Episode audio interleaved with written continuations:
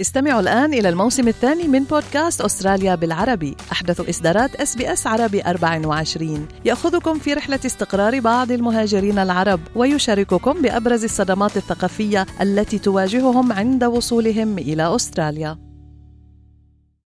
أنتم برفقة SBS عربي 24 اكتشفوا المزيد من القصص العظيمة على sbs.com.au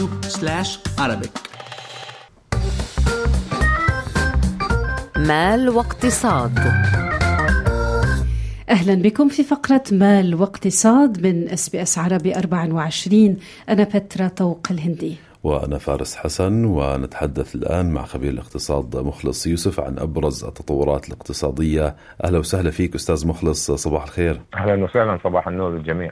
صباحك نور مخلص. يسعد صباحك. يعني آه، كان يترقب الأستراليون قرار مصرف الاحتياط حول أسعار الفائدة ظلت ثابتة عند 4.35% وميشيل بولوك تقول محافظة المصرف الوضع تغير ونحن نحارب التضخم اليوم كيف تقيم قرار المصرف مخلص؟ بالحقيقة آه، يأتي ترك بنك الاحتياطي الاسترالي سعر الفائدة الرسمي معلقا مما يغذي الآمال في إعلام سداد الرهن العقاري التي بلغ ذروتها ويترك البنك الاحتياطي سعر الفائدة عند 4.35 على غير المتوقع ولكن في أول اجتماع لمجلس إدارة البنك لعام 2024 في خطوة توقعها بعض الاقتصاديون ويفاها البعض الآخر على نطاق واسع مع تراجع التضخم وترك البنك الاحتياطي لأسعار الفائدة دون تغيير للاجتماع الثاني على التوالي منذ عام 2023 وبداية 2024 مما أثار آمال المقترضين الأستراليين بأن ذروة أعلام السداد قد مرت بسلام هذه المرة.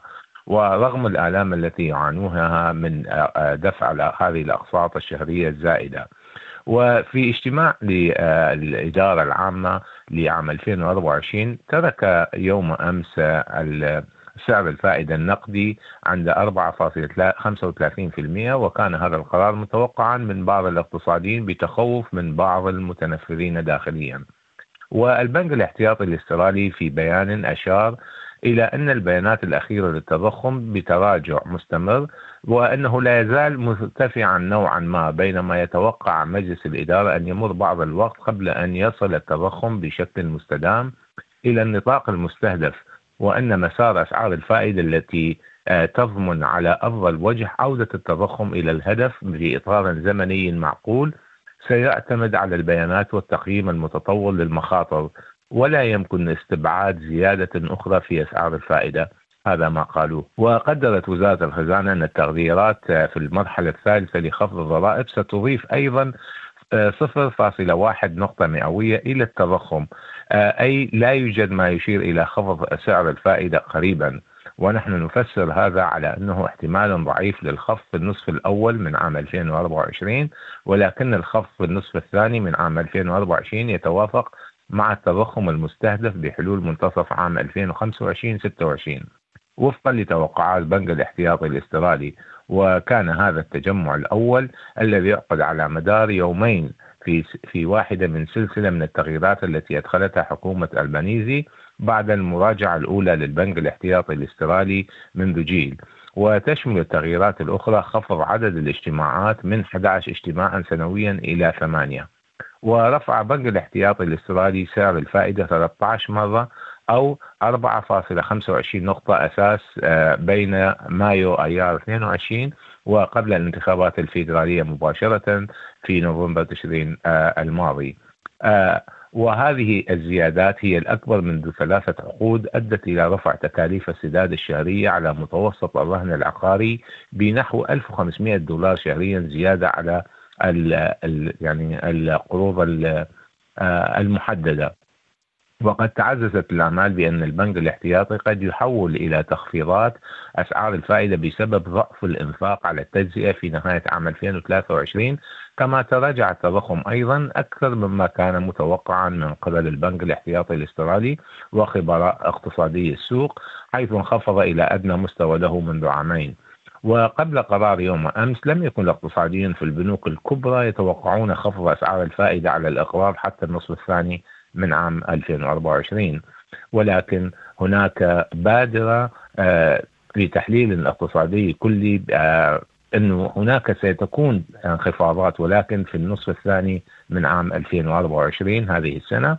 وهناك ما يكفي من المخاطر التضخمية مقابل مخاطر الانكماش. ليس لدينا بعد التضخم تحت السيطرة. مما تؤدي صفقات الأجور الكبيرة الأخيرة بما في ذلك الواجهة البحرية والتي رفعت الرواتب بمقدار الربع تقريبا على مدار أربع سنوات إلى إبقاء تكاليف مرتفعة في الاقتصاد. وتصاعد التوترات في الشرق الأوسط والتي أدى بالفعل إلى ارتفاع تكاليف الشحن وقد يؤدي إلى صدمة في أسعار الطاقة. والتخفيضات الضريبية المعدلة والخزائن الحكومية المملوءة بالسلع الأساسية المرتفعة ستضيف أيضا دافعي الطلب إلى الاقتصاد وارتفاع الدولار الأسترالي إلى بيان مضيفا نحو 0.2 سنت أمريكي إلى نحو 65.1 سنتا امريكيا. وواصلت الأسهم انخفاضاتها في البداية لتغلق منخفضة بفاصلة 6% اليوم أمس. يعني مخلص أخبار جدا إيجابية التضخم إلى تراجع في مؤشر لخفض أسعار الفوائد ولكن ليس في المستقبل القريب. هل نقدر نقول اقتصاديا الاقتصاد الأسترالي إلى تعافي أم إلى تباطؤ؟ ماذا عن الركود الاقتصادي أيضا؟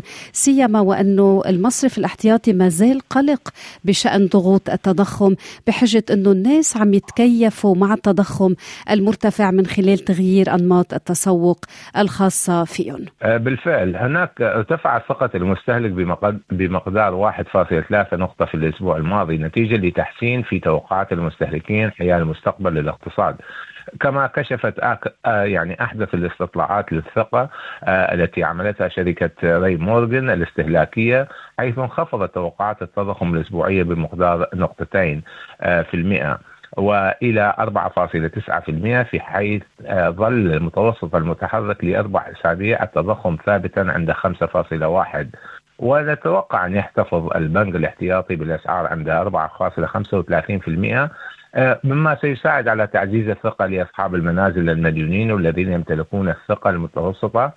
الأعلى الآن بمعدل فارق ثقة المستأجرين لأول مرة منذ منتصف 22 وتوقعات التضخم التي انخفضت إلى أدنى مستوى لأربع أسابيع خلال شهر آه، فبراير.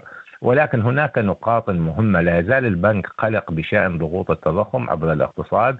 مؤكدا أن المستهلكين على الرغم من العديد منهم يعانون ما زالوا ينفقون بشكل كبير لا سيما في المجالات المتنوعة في تناول الطعام خارج المنزل إلى التأمين إلى آه، الطاقة إلى آه، كثير من الأمور آه، في حياتهم اليومية.